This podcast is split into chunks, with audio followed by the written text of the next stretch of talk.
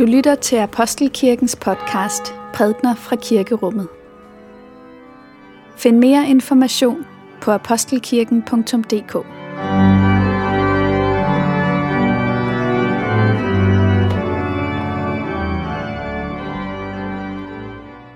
Godmorgen og velmødt til gudstjeneste på denne påskesøndag. Om et øjeblik skal vi rejse os og hilse hinanden med kirkens gamle påskehilsen, som står trygt i gudstjenestefolderen. Salmisten skriver, Lad os takke for Guds ord. For Guds ord i skriften, for Guds ord i blandt os, for Guds ord inden i os. Takker vi dig, Gud. Luk retfærdighedens porte op. Jeg vil gå ind og takke Herren. Her er Herrens port. Her går de retfærdige ind. Jeg takker dig, for at du svarede mig og blev min frelse. Den sten, bygmestrene vragede, er blevet hovedhjørnestenen. Det er Herrens eget værk, det er underfuldt for vores øjne. Denne dag har Herren skabt. Lad os juble og glæde os på den. Herre, frels dog. Herre, lad det lykkes. Velsignet være han, som kommer i Herrens navn. Vi velsigner jer for Herrens tempel. Herren er Gud. Han skal give os lys. Lad festprocessionen danne kæde helt op til alderets horn. Du er min Gud. Jeg takker dig. Min Gud, jeg priser dig. Tak Herren, for han er god. Hans trofasthed varer til evig tid. Amen. Dette hellige evangelium skriver evangelisten Markus. Da sabbaten var forbi, købte Maria Magdalene og Maria Jakobs mor og Salome vellugtende salver for at gå ud og salve ham.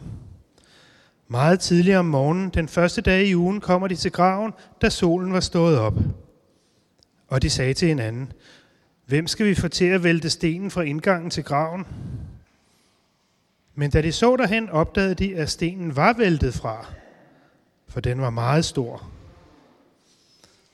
Og da de kom ind i graven, så de en ung mand i hvide klæder sidde i den højre side, og de blev forfærdede. Men han sagde til dem, Vær ikke forfærdede.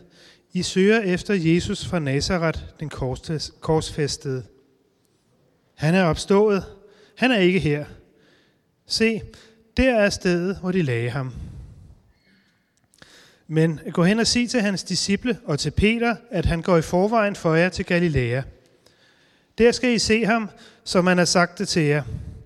Og de gik ud og flygtede fra graven, for de var rystede ud af sig selv. Og de sagde ikke noget til nogen, for de var bange. Amen. Lad os bede sammen. Herre, lad dit ord blive til liv for vores tro.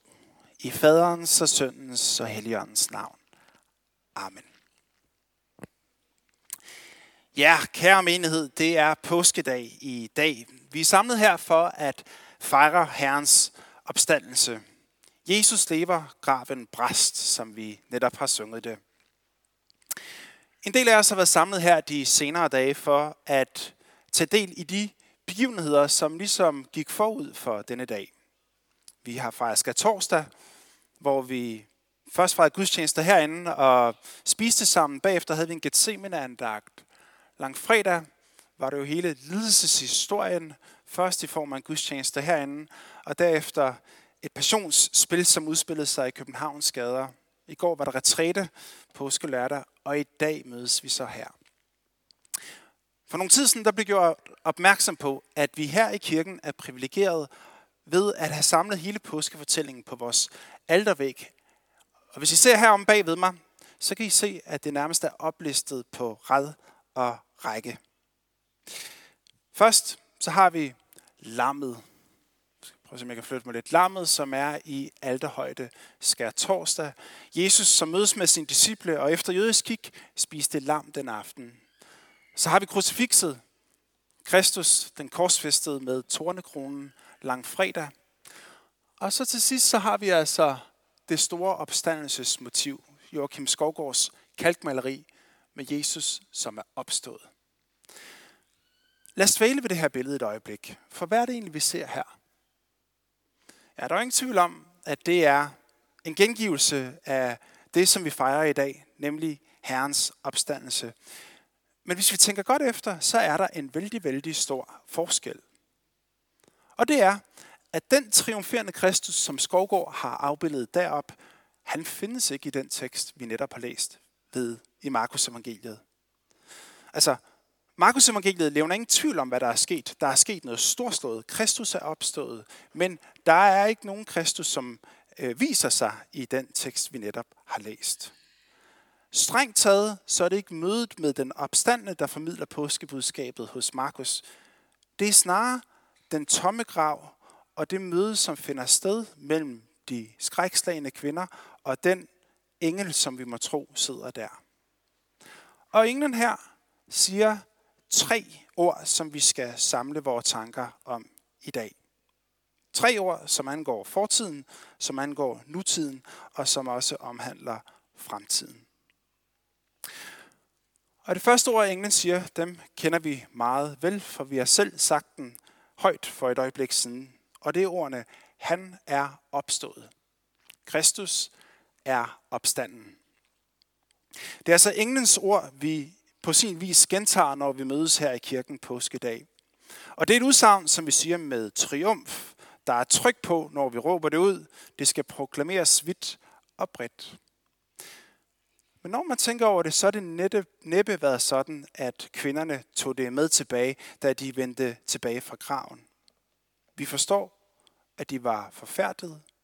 De var i chok. De var i en situation, de ikke var bekvem med, og havde måske endda mest af alt lyst til at slippe ud af den så hurtigt som muligt. Det er jo en af evangeliernes helt store paradoxale øjeblikke, det her. Jesus opfordrer igen og igen hans nærmeste. Han direkte fornær, øh, for, formaner dem til at kunne holde på en hemmelighed. Altså, når de har bevidnet et under, når de har set noget storslået, et mirakel, som er sket, så beder Jesus dem om at holde munden lukket. Lad være med at fortælle det til hvem som helst det her. Og så påskemorgen, når det allerstørste er sket, og englen siger Gud og fortæl det, så er fortælletrangen ikke længere så stærk. Hvad er der sket? Hvorfor er det sådan? Det er fordi, at der er sket noget skældsættende ubegribeligt. Noget, som ikke bare vagte deres nysgerrighed og eufori som sædvanligt, men noget, som vagte snarere deres frygt og deres undren. Opstandelsen er på ingen måde let at begribe. Kunsthistorien er meget sigende ind i den her sammenhæng. Jeg læste, at det fortælles om den store renaissancekunstner Michelangelo, at han en dag ganske frustreret tog kontakt til mange af samtidens store kunstnere. Og så spurgte han, hvordan kan det være, at vi fylder det ene galleri op efter det andet med et motiv for Jesu lidelse, eller for et, et motiv fra Jesu historie, nemlig Jesu lidelseshistorie. Alle portrætter, vi tegner, afbilder Jesus, som hænger på korset. Hvorfor får den her episode så ekstremt stor opmærksomhed i en sådan grad, så den, som måske ikke ved noget som helst, kunne få den tanke, at det er alt, der er at sige om dette Gud menneske. Hvad tænker vi som kunstnere om opstandelsen? Og jeg tror, mange af os spontant drages af det samme, som kunstnerne gjorde på den tid. Altså, at vi på en måde finder det langt lettere at identificere os med lidelseshistorien. At lagfredag kan give os et rum, et smertensrum, hvor vi oplever, at det er vigtigt at være, hvor vi kan få lov til at være. Og her der gør vi os måske den erfaring, at vi ikke er alene her. Nej, det er snart som om, der åbnes en kontaktflade mellem Jesu lidelsesvandring og så de trængsler, de byrder, som vi må bære på i vores liv, eller de byrder, som verden har at bære på endda. Der er en dyb samhørighed i det, der sker langfredag.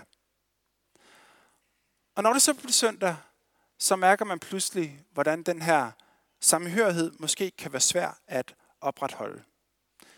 Vi kender alle sammen i mere eller mindre grad til lidelse, men opstandelsen, den ligger ikke inden for erfaringsområdet på den måde.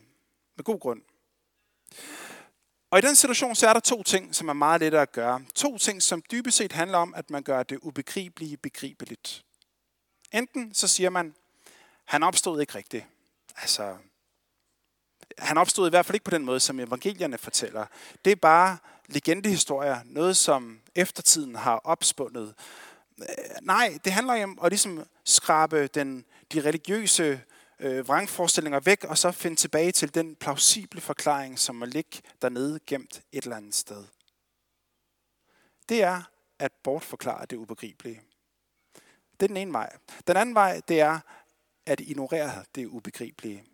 Det er at sige, hul i, hvad jeg føler og tænker. Jeg tager jeg hatten på, og så er det bare fuld fart derudad. Prøv at bemærke, at kvinderne gør ingen af delene i dagens tekst. De står der med alt, hvad de er, med alt, hvad de har, deres små forhåbninger og deres bristede forventninger, og så hører de englen sige, han er opstået. Ikke som et slagord, men som noget, de må tage til sig i den situation, de er i. Og de tager det til sig. Ikke på trods af deres usikkerhed og deres afmagt, men med deres usikkerhed og afmagt.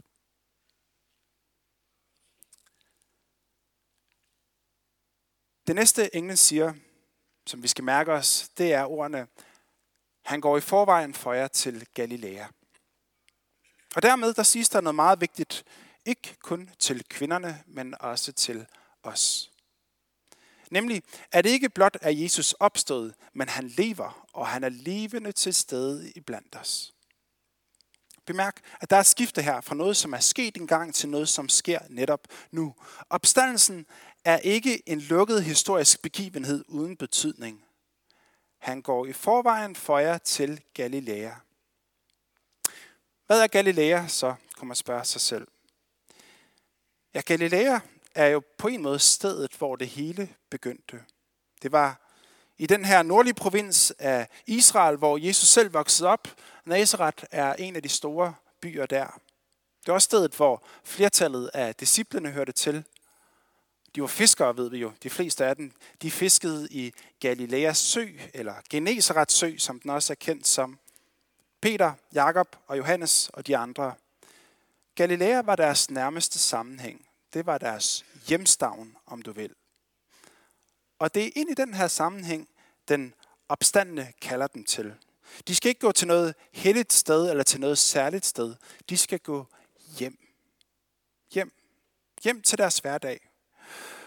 Og på den måde, der viser Galilea, at vi i virkeligheden oplever, at, at opstandelsen rykkes fra noget meget spektakulært ud til der, hvor vi er, der, hvor vi virker. Det er som om, at englenes ord beskriver en bevægelse, som ikke tillader sig at forstå påsken og opstandelsen kun som en højtid. Nej, Jesus insisterer på at møde sine disciple i hverdagen. Vi hørte det jo i dåben.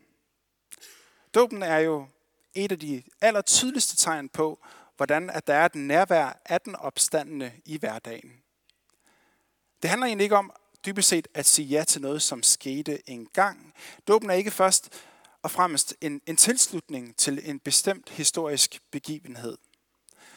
Hvis man lytter godt efter til de ord, Jesus, han, undskyld, godt efter til de ord, Nils sagde i dåbsritualet før, så bliver det klart, at der er meget få tilfælde, hvor der bliver talt i datid. Næsten alt sammen foregår i nutid. For det handler om, som døbt at leve et liv med og i Kristus. Jeg er med jer alle dage ind til verdens ende. Det er nutid det her. At få Gud til far, at få lov til at bede den bøn, Herren har lært os, hvor far, du som er i himlene. Når vi døber, så gør vi det altså en tro på, ikke blot at Jesus er opstået fra de døde, men at han er levende til stede på den vej, der nu blev vores at gå her i livet at den opstandende virker og råder også i dag. Og så til sidst. Han går i forvejen for jer til Galilea. Der skal I se ham. Der skal I se ham. Det er det sidste, englen siger. Så altså, inden kvinderne forlader graven, så får de et løfte med sig. Et løfte for fremtiden, at de skal se Kristus. Og det er selv samme løfte, som vi er bærere af i kirken, at vi en dag skal få lov til at se Herren ansigt til ansigt. Paulus formulerer det jo så smukt i 1. Korintherbrev. Endnu ser vi et spejl i en gåde, men der skal vi se ansigt til ansigt. Nu erkender jeg stykkevis, men da skal jeg kende fuldt ud, ligesom jeg selv er kendt fuldt ud. Vi får altså et tilsavn om, at en dag så skal alting opklares. Der er mange spørgsmål, der er mange usikkerheder, som sikkert har rejst sig hos kvinderne, da de stod der ved graven. Og jeg tror, vi kender den i utallige varianter. En dag, der skal de alle sammen få lov til at blive lagt ned. Det er ingen ord, også til os. Vi får lov til at gå fra den tomme grav med håb. Det kristne håb. Lad mig slutte af med at sige nogle sidste ord om det. Håb, det kender vi jo som noget, som strækker sig ud i fremtiden, ikke sandt? Det er en tillidsforventning om, at der er noget positivt, som vil indtræffe på et givet tidspunkt. Og så kan man spørge sig selv, hvor velbegrundet er det egentlig at håbe? Ja, det beror vel i nogen grad på, hvad vi kan udlede af øjebliksbilledet. I går, der var der meget grund under fødderne, hvis man gik rundt og håbede på, at det ville blive solskinsvær på påskedag. For prognosen ville det godt være. Har man derimod håbet på en hvid påske, som jeg hørte en sige det, altså snevær, så vil man ikke have meget at have sit håb i, for det fortalte prognoserne ikke. Og på den måde så står vi hele tiden i en situation, hvor vi tvinges til at afstemme vores forhåbninger med det, som er omstændighederne. I virkeligheden så er det et udtryk for en form for kausalitetstænkning. En årsag-virkningssammenhæng. Vi har grund til at håbe på godt vejr, for et højtryk over Danmark plejer at forsage godt vejr over Danmark, ikke sandt? Det kristne håb, det er af en ganske anden art. Det kristne håb gisner ikke om fremtiden. Det kristne håb handler ikke om at udlede tendenser af, hvad der kommer til at ske, og ligesom fornemme, om der er noget meningsfuldt forud. Fremtiden forudsiges ikke af trendanalyser og hvad vi vurderer ligesom øh, kommer til at røre sig. Nej, det kristne håb kender fremtiden, og på baggrund af det kendskab prøver det at forstå nutiden. Det kristne håb fastholder, at ved historiens ende, der står Kristus, den opstandende, og der skal den opstandende møde sit skaberværk på ny. Det er håbet, den kristne kirke lever i, og det er håbet, at døden, som ikke fik lov til at holde på Kristus, heller ikke skal få lov til at holde på os. Glædelig påske. Lov og tak og evig ære være dig, hvor Gud, Far, Søn og Helligånd. Du som var, er og bliver en sand treenig Gud, højlovet fra første begyndelse, nu og i al evighed. Amen.